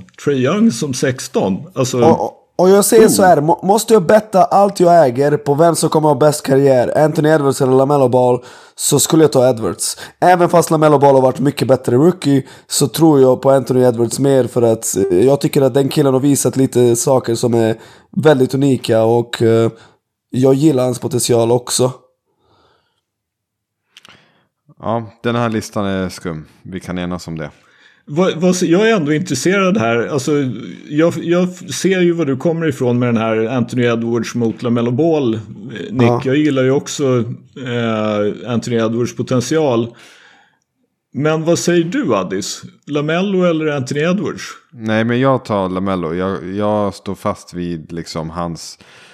Han är ju mer unik. Han är eh, som sagt har ett högre tak. Sen är det inte säkert att han blir det. Men, men eh, jag, jag hade gamblat med Lamello. För jag tror att Lamello best case är verkligen unikt. Det är någonting liksom. Det finns typ ingen annan i NBA just nu som skulle vara honom. Om han når sin potential.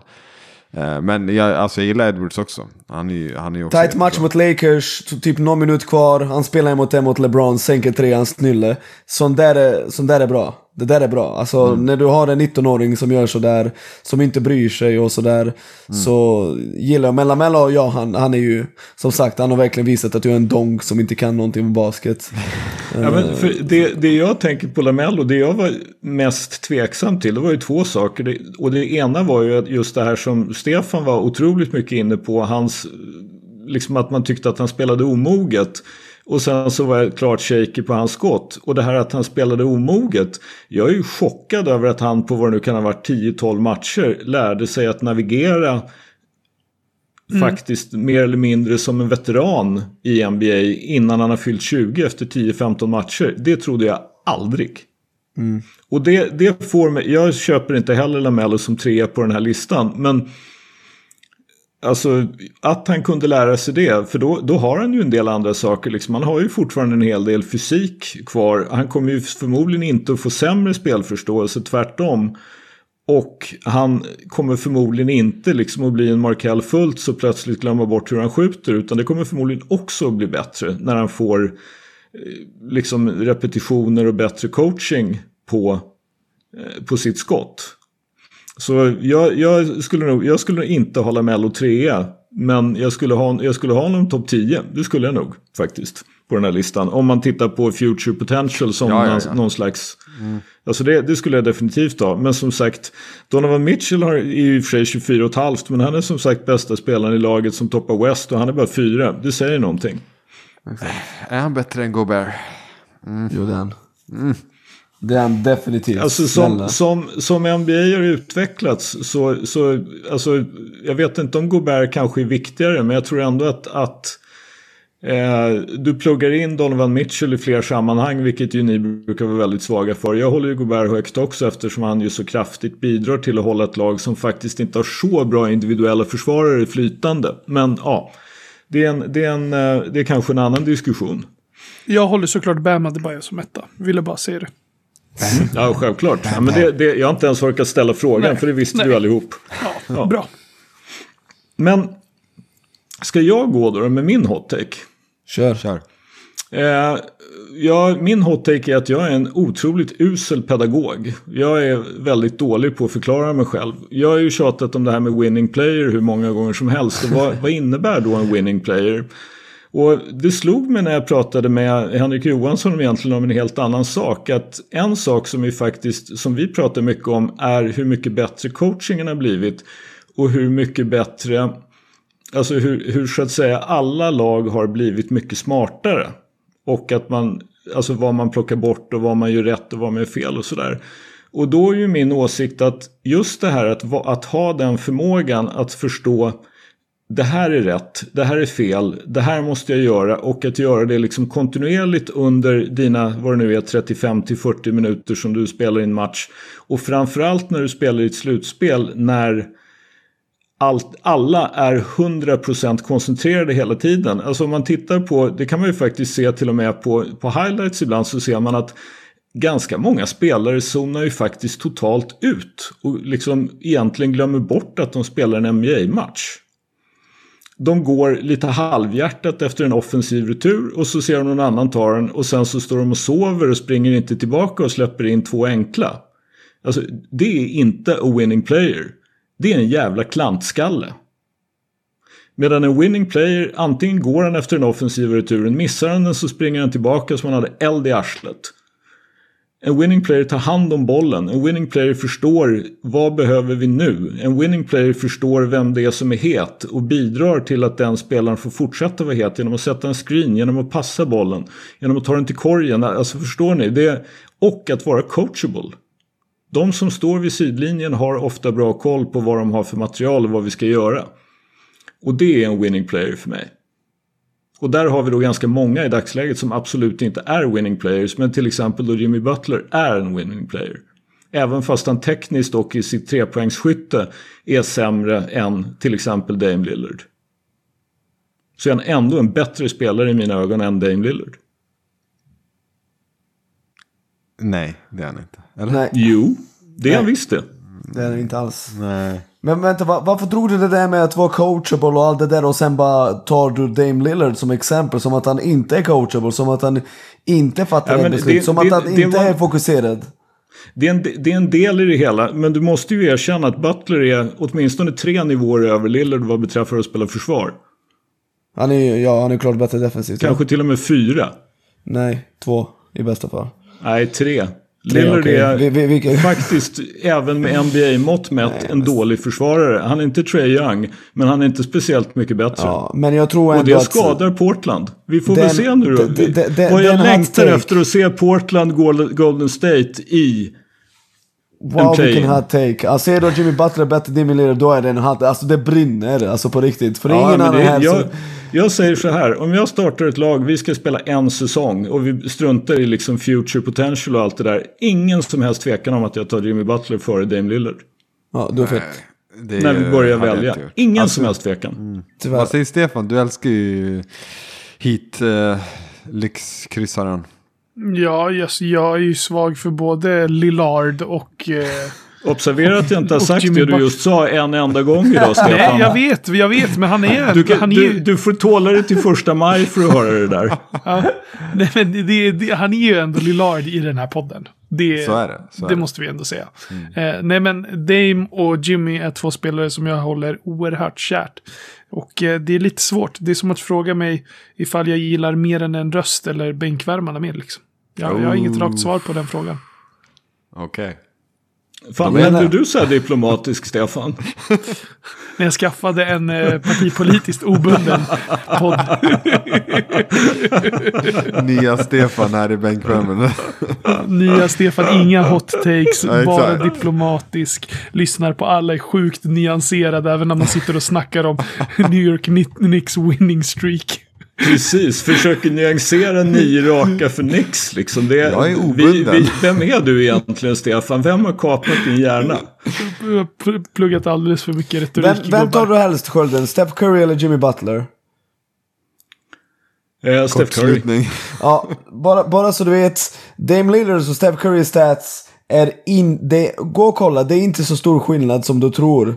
Nej, Eh, fast eh, åt, återigen. Steph Curry är en winning player på ett helt annat sätt än Dame. Och då, då är jag fullt medveten om att Dame är en winning player. Men han är inte alls en lika winning player som Steph, som Steph är. Steph är mycket Lill- mer ha- nytta ha- för sitt lag. Och Hade om Dame Dame Lill- Lillard hade spelat med LeBron så är jag inte säker på att det hade hjälpt honom särskilt mycket. Det, eller det hade det. Det hjälper alla att spela med LeBron. Fine. Men att liksom stoppa in, stoppa in Lillard i ett lag med andra bra spelare. Du ser ju vad som händer nu. Portland var bättre när CJ McCollum var skadad och innan de hade Norman Powell. När Dame fick göra allt. När de kommer tillbaka är Portland sämre. Hade Dame Lillard fått spela fem finaler, hade, jag lovade att han hade vunnit Finals MVP i alla fall en gång. Steph Curry har inte, har inte vunnit Ja men en han enda. har inte fått spela fem finaler och det finns en anledning till det. Jag vidhåller det det. inte Han är inte lika bra som Steph. Punkt trots slut. att- inte trots i att- närheten. trots att Steph har typ den hetaste streaken i NBAs historia så visar den här säsongen det jag alltid hävdat. Han är bättre än Damian Lillard. Han är bättre basketspelare. Det är inte så jävla brutal skillnad som alla säger. Du vet att de flesta och de här som kommer rösta, jag lovar dig att Dame Lillard kommer få fler MVP-röster röster än Steph Curry. Jag lovar dig. Du kommer se. Det, det är mycket möjligt. Och det kommer, vi får se om det blir så nu när, när Portland håller på att slippa i, um, Ja, precis. i standings. Ja, För det är, ja, ju det, det är ju det argumentet som, som Dame har haft över Steph. Det är att de har varit typ topp fyra. Nu är Mm. De är inte sant, det är längre. sant, är de slippar. De är 2-8 på de senaste tio och då med det på pappret bästa lag de har haft hela säsongen. Det säger någonting det också. Alltså, för mig är Dame Lillard kanske då säkert, då- inte, kanske säkert inte, men liksom, han är en av NBAs bästa one-man shows. Men kan han ta ett bra lag någonstans? Det har vi Han har tagit ett sett. dåligt lag till Conference Finals, Skölden. Precis, ett, ett dåligt lag. Men Ett han har inte tagit lag. ett bra lag Yes. någonstans För att han har inte spelat i något bra lag. det är svårt att Nej, ta men- bra lag till men- finalerna om du inte spelar i ett bra lag. Men alltså, han, han, jag tycker inte att han har bidragit till att utveckla det där laget till att bli ett bra lag. Bland annat för att han är en stinkande usel försvarare. Men Steph Curry är också det.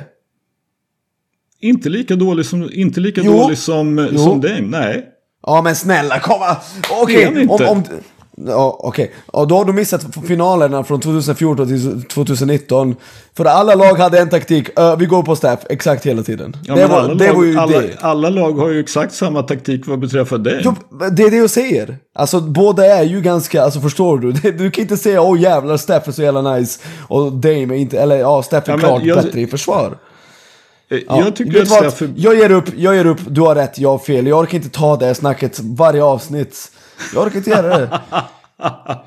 det var du som tyckte att det brann när jag tog Butler före, före dig. Och så frågade du om jag skulle ta Steph före Butler. Nej men vi, ja, vi, kan, vi, kan fortsätta, vi, vi kan fortsätta i all evighet. Det vet du. Så jag säger, ja vi går vidare. Ja exakt. Ja. Så vi, vi kommer aldrig komma någonstans. Stefan, diplomaten, han har ju inga hot takes. Förutom när Addis har tagit sin hot take. Då kommer Stefan som vanligt att komma skövlande liksom i ryggen på någon när han har låtsats som att han inte har någon. Men, så vi kör väl enligt programmet då Addis. Du får köra hot take.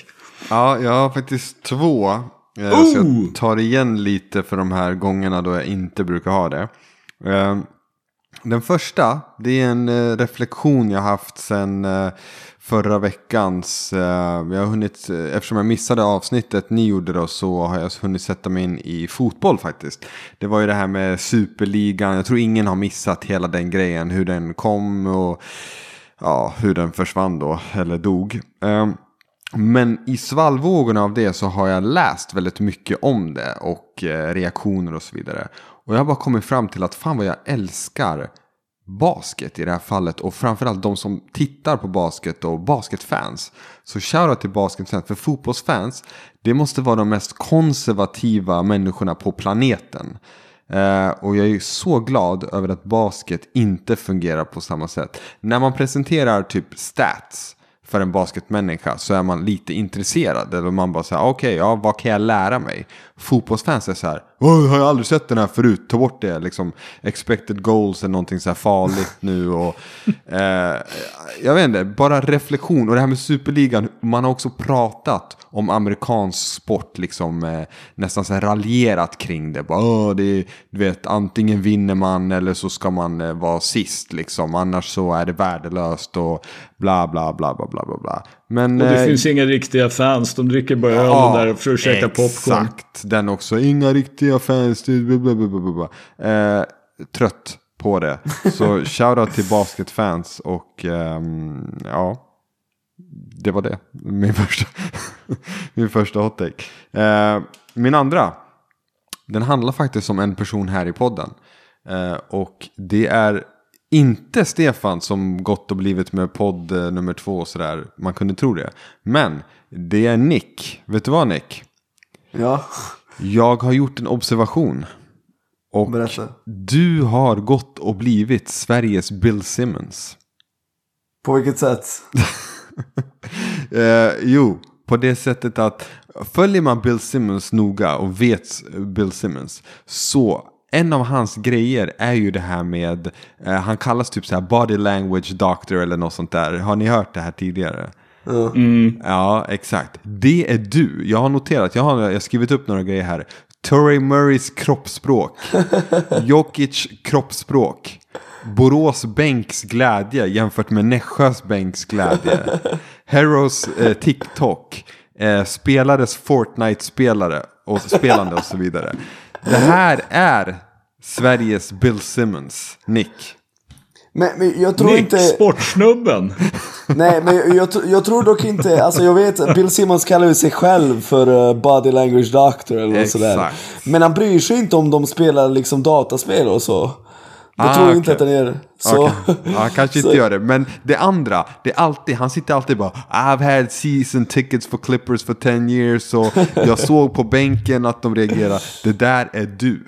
Du är Sveriges. alltså, Men jag tycker sånt där är viktigt faktiskt. Alltså in, oberoende av Bill Simmons så märkte jag liksom att det kändes som att Nässjö hade hemmaplan i den matchen mot Borås. Förstår du? Mm. Varje gång de satte en tre, alla bara ja!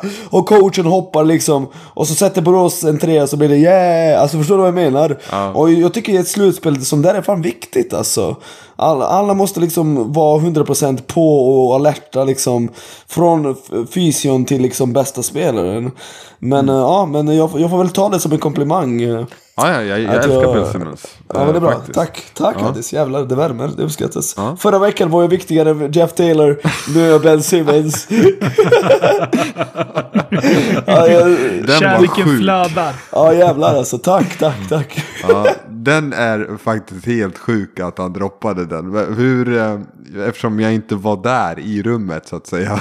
Vad gjorde Vedran samtidigt? Bara, ah, okej. Nej men man, man var typ små och log och det känns nästan som att han typ höll med.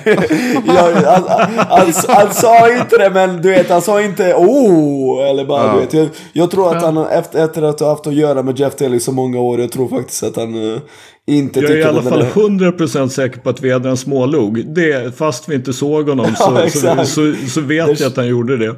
Det kändes så, det kändes så. Ja, Stefan, Ja. ångvältaren. Stefan, har du, kommer du nu och skövlar oss alla här? Nej, det kommer jag faktiskt inte göra, utan eh, jag håller väl snarare med eh, Addis, för jag, som ni säkert vet, har jag haft, jag, jag har liksom ena benet i basketen, andra benet i fotbollen. Och jag har erfarenhet av båda supporterkulturerna. Eh, och det stämmer att, att fotbollens eh, supporterkultur är ganska konservativ, att man är förändringskänslig och att det blir hus i helvete så fort något nytt händer. Så. Eh, och jag håller med Addis. Det, och jag har dragits mer och mer åt, eh, åt om vi får generalisera och säga, baskethållet. Men Faktiskt. eh, killar, jag har en fråga för er. Eh, vi misstänkte direkt att de tittade på Euroleague. För att modellen liknade väldigt mycket det Yes. Euroleague gör. Alltså, ge typ 10 lag, säker plats. On, ge lite falskt hopp till alla andra genom att typ låta två eller tre uh, roteras in och ut liksom. uh, In och ut år efter år. Och sen att Florentino Perez, Real Madrids eh, president eller vad han är, att han säger att Euroleague har räddat europeisk Ja, basket. jag såg det. Alltså, va? Det, det är jättekonstigt. nej, Alltså nej. konkurrensen är stenhård men det är ett av veckans eller förra veckans sjukaste uttalanden. Ja. Vad, vad, vad är mannens problem? Alla klagar ju. Det, det är det som... Alltså, i, i ett riktigt Euroleague så ska du ha två, tre lag från Serbien och två, tre lag från Litauen. Och allt annat är bara pinsamt. Förstår du vad jag menar? Alltså du ska ha lag där basketen är som populärast och där du har stora publiksiffror och sådär. De går bara efter pengar. Japp. Bara efter pengar. Publiksiffrorna är dåliga. eh, liksom. Det finns ingen... Det där tävlingsmomentet liksom. Du kan... Olympiakos. Vet ni vad de gjorde förra säsongen? Eller jag vet inte om det är i år. De bara ville inte spela i högsta ligan i Grekland. De spelade andra ligan. Visste ni det? Nej. Nej, de bara lämnade. De bara lämnade för de var missnöjda med någon finalserie eller någonting. Kommer du ihåg det Stefan? Det var väl ett, två år sedan. Och så valde de att inte spela i högsta ligan utan de spelar bara i andra ligan och i Euroleague liksom. Alltså, det där är så jävla oseriöst. Och så jävla clownaktigt att man saknar ju ord liksom. Ja, det är ett sjukt uttalande av Perez att uh, hävda att Euroleague, alltså Euroleague är ju stendöd för 99% av jordens befolkning. Liksom, Exakt. För europeiska basketfans, alltså europeiska basketfans tittar inte på Euroleague och då vet du liksom. Nej. Jag, jag såg ju förra året så, så visade de att typ någon omgång var det typ 3000 pers per match i snitt på läktarna. 3000! Jesus. Det är ju basketens Champions League, du har 3000 i Exakt. snitt. Nej, så jävla pinsamt, det finns inte. Sen har de ju faktiskt också bidragit till att i princip slakta eh, liksom alla så att säga de här andra internationella kupperna Exakt. och ligorna som de spelar. Alltså vi har ju nu det här, jag kan inte påminna mig att jag sett det här i svensk media. Det är tur att vi hinner med att ta med det här. Men faktum är ju att Stella Andersson var ju med, som ju lämnade Luleå, var ju med och förlorade Fiba Europe Cup-finalen. Spelar Tror att det var igår? Japp. Det är det ju liksom ingen som vet och det beror ju förstås på att liksom Euroleague har dödat intresset. Ja, förutom de som liksom, jag menar de som kommer någon vart. Så är ju, alltså de här Fib- FIBA-sanktionerade kupperna, typ då Fiba Europe Cup, är ju då, får ju en mycket lägre status tack vare det här. Och Euroleague själva klarar inte av att bygga en tillräckligt hög status i sin liga. De vill även stänga den ligan som är under. Den där 7 Days Euro Cup. De vill stänga den också. Jesus. Ja, det är sjukaste. Men alltså. vad är det, Nick du som har bättre koll, vad är det, de här, hur många lag är det som kan liksom hoppa in i Euroleague per år? Är det 3 till 5 eller det, något sånt här? ja men det är väldigt få. De ger, de ger några wildcard-platser till typ vinnaren av den Adriatiska ligan och liksom eh, vinnaren av den där Seven Days Europe Cup. Men det är väldigt få platser och det är alltid samma lag som håller sig kvar. Och liksom du har alltid ett Zenit som storsatsar liksom eller Darushafaka liksom. Väldigt ostabila klubbar liksom som kanske gör en rejäl satsning men går konkurs liksom två gånger per 20 år. Ja, Det är så, nej fy fan. Och Partizan som är typ Europas viktigaste basketklubb på riktigt. Det finns inte en enda klubb som har skapat fram, som har fått fram fler NBA-spelare. Det finns inte en enda, en enda klubb som har klart bättre fans än dem. De, de fick faktiskt välja, Euroleague fick välja mellan Zenit från Ryssland och Partizan för två, tre år sedan. En av dem skulle få wildcard-platsen och då valde de Zenit. det är de, de, de har ingen lack. baskettradition. Ingen baskettradition.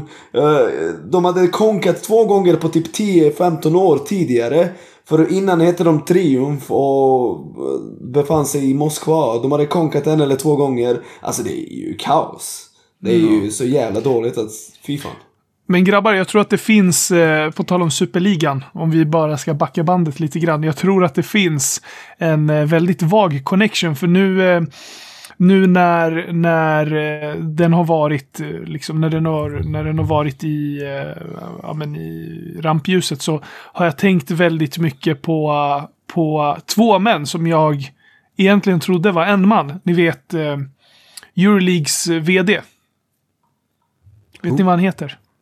Uh, vänta, låt mig tänka. Euroleagues VD Han heter Jordi Bartom Bertomeu. Bertomeu. Jag tänkte precis Ja, säga exakt. Bertomeu. Jag har ju trott att Jordi och Josep Maria Bartomeu, alltså Barsas före detta vd, Aha. var en och samma person. Och jag misstänker, nu är jag väldigt konspiratorisk här, men jag misstänker att eh, eh, det har gjorts fältstudier på Euroleague när man har skapat den här, den här superligan eller tagit fram förslaget. Och då har man gått väldigt mycket via de här två herrarna, kan jag tänka mig. Det är ingen dum teori fan. Det, det, det, så kan det säkert vara, men det har ju också det har ju pratats i evigheter om det här att det skulle Ja. finnas liksom en sammanslutning av de rikaste klubbarna i Europa som har diskuterat hur ska vi bära oss åt. Ja, såklart. Och framförallt så är ju då uppenbarligen de engelska klubblagen som har så att säga den mest liksom likvärdiga fördelningen av tv-pengar som de får för Premier League. Att där får väl i princip alla lag mer eller mindre lika mycket. Eller det, fall, även, det kanske skiljer något, men det skiljer väldigt lite. Det skiljer väldigt mycket mindre än vad typ Manchester United och Liverpool och Manchester City och Chelsea och, och Tottenham skulle vilja.